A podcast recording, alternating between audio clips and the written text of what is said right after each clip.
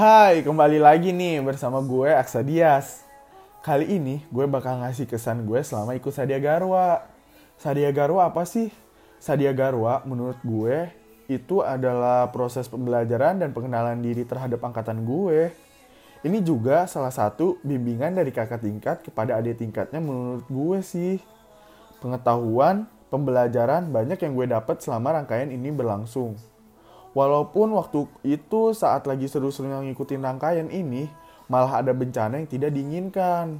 Tapi dengan adanya bencana ini, kita tidak menurunkan semangat loh untuk mengikuti rangkaian ini.